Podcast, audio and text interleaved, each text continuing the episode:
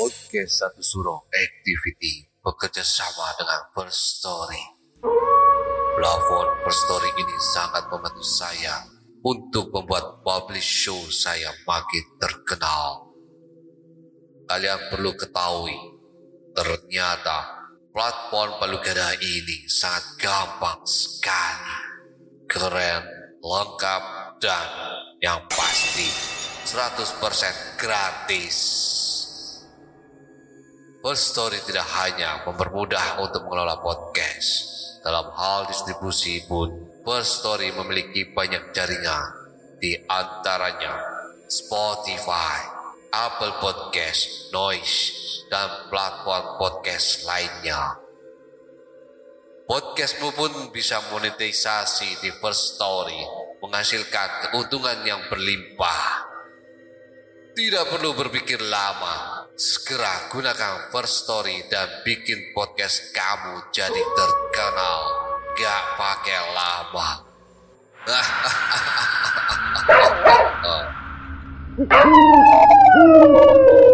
Sugeng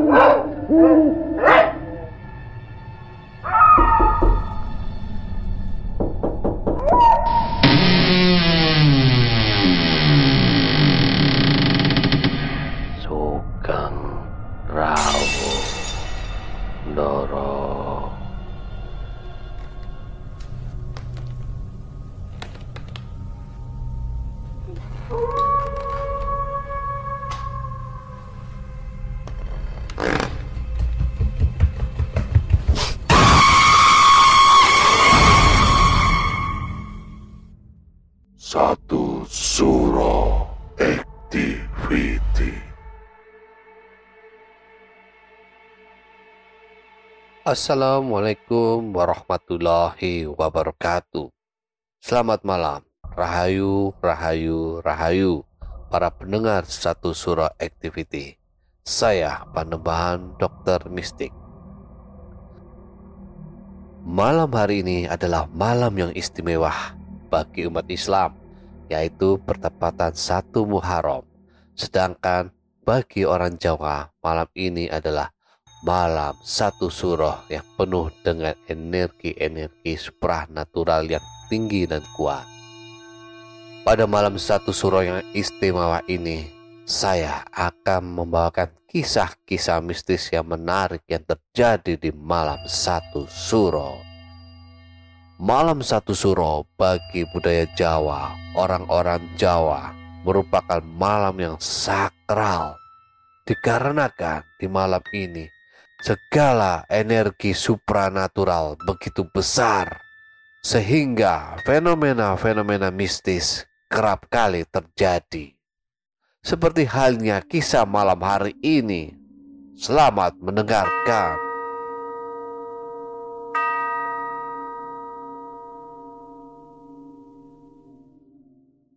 Kisah mistis yang terjadi pada malam satu suro di sebuah bangunan bekas rumah sakit di Tayu, Pati.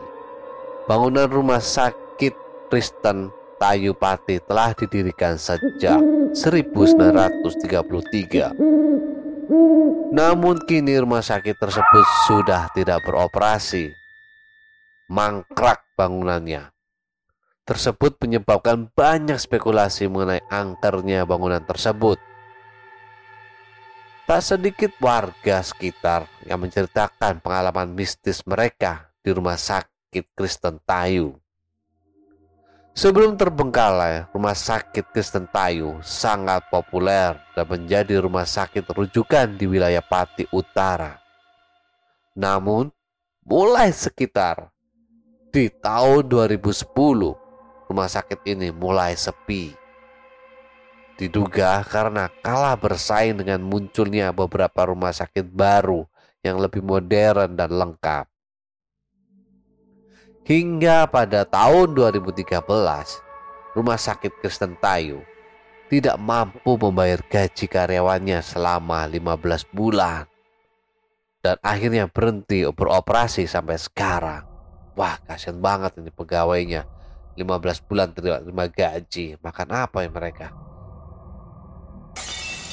Lama kelamaan bangunan rumah sakit terbengkalai dan tidak terawat yang kemudian memunculkan cerita-cerita horor dan seram di sekitar bekas bangunan rumah sakit itu. Wah pastinya lah bangunan mangkrak terbengkalai. Terjadi fenomena-fenomena mistis biasanya. Contohnya, cerita mistis yang dialami oleh Imam Sobirin bersama dua temannya asal Bandung yang mengaku sempat membesuk teman di rumah sakit Kristen Payu. Eh sorry sorry Tayu belibet tulisannya tidak ini ya. Tersebut pada tahun 2021. Padahal saat itu rumah sakit Kristen Tayu sudah tak lagi beroperasi. Imam mengaku temannya tersebut telah dirawat di rumah sakit Tayu selama tiga hari, mulai tepatnya pada satu suro. Warga yang mendengar kisah itu pun kaget hingga video percakapan seorang warga dan imam viral di TikTok. Pria itu mengaku datang ke rumah sakit Tayu Pati karena mendapatkan telepon dari temannya yang minta dibesuk karena dirawat di rumah sakit Tayupati. Begitu diberitahu warga bahwa rumah sakit Kristen Tayupati sudah lama tutup. Pria tersebut langsung shock, tidak bisa berkata apa-apa. Ya iyalah, secaranya gitu loh ya, itu rumah sakit sudah terbengkalai lama. Tak hanya itu, beberapa waktu lalu juga heboh video sosok suster mendorong ranjang pasien yang kemudian menghilang di rumah sakit Tayu. Meski banyak yang menganggap hal tersebut merupakan settingan, namun video tersebut telah ditonton lebih dari satu juta kali diunggah di TikTok. Menurut opini saya pribadi, fenomena-fenomena mistis seperti itu bisa saja terjadi karena uh, rumah sakit yang terbengkalai atau bangunan terbengkalai itu bisa meninggalkan sisa-sisa reduksi energi terdahulu sehingga dapat menimbulkan suatu fenomena gaib. Bagaimana menurut opini kalian? Apakah hal tersebut bisa terjadi? Silakan ketik komentar Anda di kolom komentar dan jangan lupa subscribe ya. Pada malam hari ini karena malam satu surah malam istimewa saya membawakan dua kisah. Selamat mendengarkan kisah yang kedua.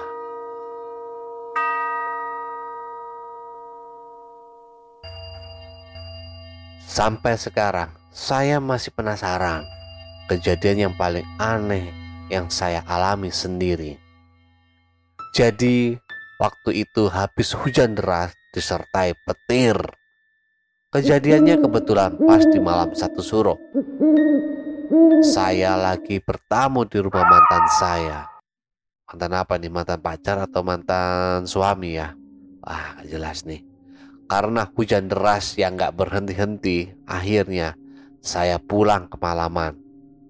Saat ini sekitar jam setengah sepuluh malam, tapi hujannya mulai rendah gerimis. Saya minta mantan saya aja yang pakai jas hujan.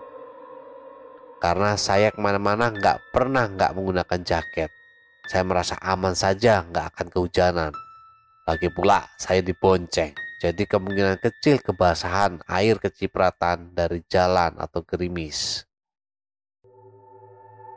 Lahan parkir pribadi sebelahnya tangga dan jalan kecil menuju rumah pribadi mantan Rumah satu, kedua, dan ketiga tersebut juga rumahnya dia. Lokasi masuk gang kecil, jalannya hanya cukup untuk satu motor. Bahkan motor pun gak bisa dibawa masuk ke halaman rumah. Jadi disimpan di area parkir pribadi. Nah, karena memang saya agak sensitif karena pernah beberapa kali mengalami kejadian horor juga. Saat itu saya izin pamit, walaupun gerimis. Mantan saya masih berada di rumahnya karena menggunakan jas hujan. Saya udah rapi, kabur aja sendirian menuju ke arah parkiran. Catatan karena rumahnya berada agak ke bawah, jadi seperti bukit parkirannya berada di atas. Tingkat bagaimana nih rumahnya? Saya yang sambil jalan pelan ke arah parkiran merasa kok hari ini sepi sekali. Benar-benar sepi. Gak seperti biasanya.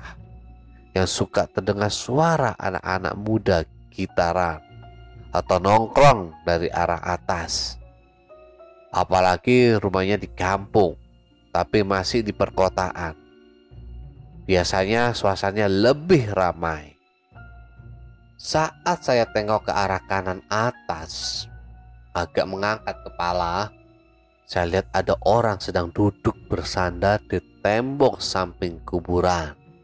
Hanya saja tersamarkan dengan cahaya lampu remang-remang rumahnya tetangga. Saya yakin orang saat ini, hmm, ini maksudnya mungkin saya yakin itu orang karena saya lihat kepulan asap yang saya yakini lagi kalau beliau lagi merokok sendirian. Waduh bahasanya agak membingungkan ya para pendengar mohon maaf nih. Oke kita lanjut aja ceritanya. Tapi beliau nggak duduk di bangku karena tidak ada senderannya, hanya tembok dan belakangnya kuburan. Kira-kira gambaran kakinya agak bersila, dia duduknya. Sesekali bergantian, sila kaki kanan ke kiri atau sebaliknya. Sehingga saya nggak pakai sandal, bertelanjang kaki Bahkan tangan dari arah sikutnya pun terlihat bergerak-gerak seperti sedang merokok sambil terlihat kepulan asap. Karena saya merasa itu orang, ya saya naiklah ke beberapa anak tangga. Belum curiga sama sekali. Saat satu kali pijakan terakhir tangga, saya makin heran. Bapak-bapak sendirian gak pakai sandal pakai sarung, merokok, gelap-gelapan di dekat kuburan. Bener-bener di luar nurul, eh maaf di luar nalar, gak habis pikir. Nah, saat itu saya langsung merinding. Saya nggak berani naik ke anak tangga terakhir yang di gang kecil tersebut. Saya malah salfok sambil sesekali melihat ke arah-arah lainnya karena saya merasa sadar, ya bapak tersebut mungkin merasa saya perhatikan. Beliau berdiri, asap tetap mengepul guys. Info ya guys, mata saya itu minus. Dengan jarak 1-2 meter itu tetap terlihat rabun. Apalagi cahaya kurang memadai. Saya nggak pakai kacamata karena saya simpan di atas kepala saya. Walah, walah. Karena saat itu saya merasa beliau dan saya mata bertemu mata. Akhirnya saya sapalah beliau. Pak, sambil mengangguk kepala dan badan saya. Sambil saya senyumin beliau. Naiklah saya ke tangga terakhir di gang tersebut. Sambil masih tengak-tengok. Guys, Bapaknya itu berjarak sekitar 1 sampai satu setengah meter dari saya. Bedanya, posisi beliau di kegelapan, saya di tempat terang lampu kekuningan tetangga tersebut. Kalau dipikir-pikir sekarang, kita di tempat yang lebih terang gak akan bisa melihat begitu jelas apa yang ada di tempat kegelapan ya. Tapi kalau posisinya dibalik, tapi kalau kita di tempat gelap, pasti bisa melihat tempat yang lebih terang. Nah, saat ini posisi saya sama beliau sejajaran ya. Sama-sama berada di jalanan gang. Mantan saya belum muncul juga nih di tempat parkir. Bapak ini tiba-tiba berdiri. Karena sekarang kami berhadapan, sama sepenglihatan saya saat itu. Saya ulangi lagi, Pak. punten ya pak. Lalu terdengar seperti orang sedang komat kamit gak begitu terdengar. Saya gak paham deh, pokoknya beliau ngomong apa. Suaranya kecil tapi serasa dekat telinga kanan saya.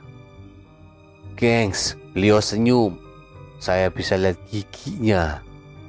Lalu berjalan sedikit demi sedikit ke arah saya sampai akhirnya saya bisa lihat jelas beliau yang posisinya mungkin serentang tangan saya kalau mau upacara ya.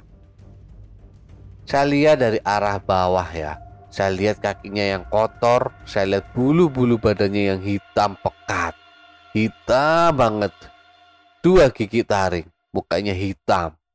Jaringnya panjang-panjang, kepulan asap keluar dari badannya. Mulutnya Beliau seperti bilang sama saya, loh, kamu bisa lihat saya. Yakin? Sejelas itu saya terlihat gitu loh. Aduh, ini apa ya tuh saya pendengar? Mohon maaf nih. Inilah yang bikin saya sangat amazing. Guys, mata bapaknya berwarna kuning. Kuning tahu kan? Kayak kucing. Wah kalau menurut saya ini bukan orang kalau matanya udah kayak kucing seperti itu pelopak matanya juga siluman ini ya sepertinya saya minus tapi saya nggak buta warna saya kaget dan saya merinding nah di sini saya yakinkan diri kalau beliau ini orang tapi nalar saya nggak nyampe saya lihat mata warna kuning tersebut kedip-kedip. Tuh matanya kayak kucing sambil cengar-cengir komat kamit. Saya langsung berpikir, saya harus pergi ke bawah lagi nih. Rasanya di dalam hati saya teriak, Diam kamu!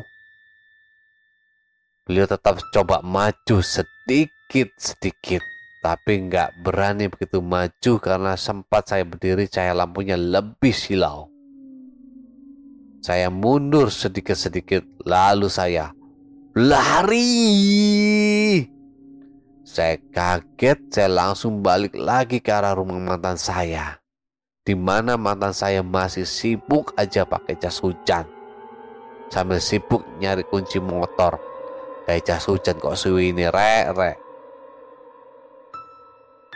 Saya merasa sepertinya ya udah melewati beberapa menit. Kenapa lama banget gitu kan? Mantan saya panik lihat saya lari. Saya lebih panik dan takut kalau beliau masih di atas atau jangan-jangan malah ngejar saya. Saya bilang gini, Eh, bentar dulu ya, bentar dulu. Lagian kamu lama banget sih pakai jas hujannya. Wah, ruwet nih pacarnya kayak jas hujan si ini. Mantannya ngomong, Lama dari mana sih? Dipanggil-panggil suruh tungguin juga mau cari kunci motor dulu. Lupa nyimpennya. Lain kali jangan lari-lari ya. Kan habis hujan gini licin. Kamu lihat apaan sih? Kenapa mata kamu kayak gitu? Kayak orang panik. Ih, enggak kok, enggak. Bentar dulu lah ya. Saya dan dia sempat diam dulu beberapa menit meyakinkan diri saya kalau beliau udah nggak ada di atas dekat parkiran. Mantan udah terlihat panik sih waktu itu. Jadi ikut panik karena lihat saya. Dia percaya saya habis lihat yang enggak-enggak. Bahkan dia sempat-sempatnya nanya saya, kamu lihat perempuan dekat pohon bambu? Eh? Loh, kok bisa-bisanya nanya gendernya ya? Apa jangan-jangan sebelumnya ada kejadian juga dalam hati saya waktu itu? Saya sih diem aja sampai akhirnya saya merasa saya berani. Saya percayakan diri kalau beliau nggak akan bisa ngapa-ngapain saya. Rasa takut tetap ada ya. Please lah. Gue kan dibonceng. Balik harus lewatin pohon bambu lewatin kuburan. Ya jelas lewatin dialah. Akhirnya kami ke tempat parkir, tapi saya tengok-tengok Saya benar-benar nggak lihat beliau. Akhirnya saya langsung naik ke motor, saya peluk mantan saya.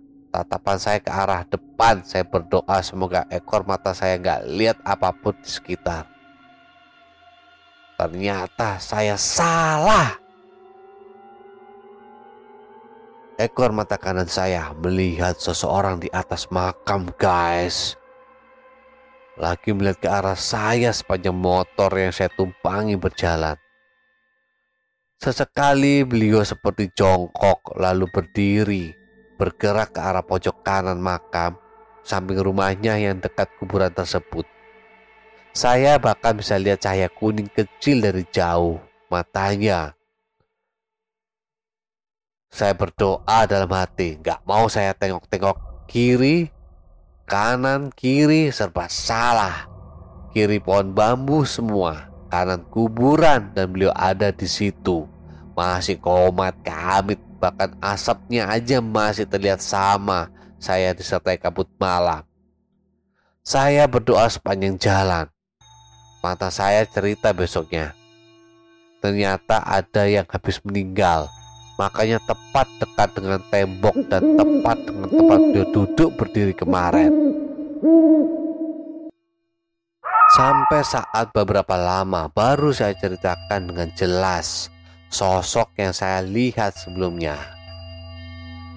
Eh, mantan juga cerita beberapa hari, bahkan lokasi rumahnya juga sepi.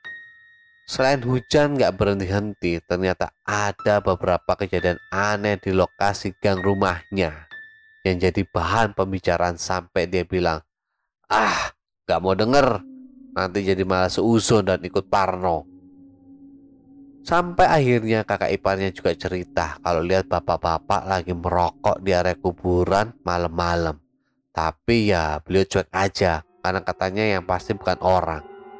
Lah kakak iparnya punya kelebihan bisa lihat gitu-gitu tiap hari. Lah saya kan nggak tiap hari. Ih amit-amit.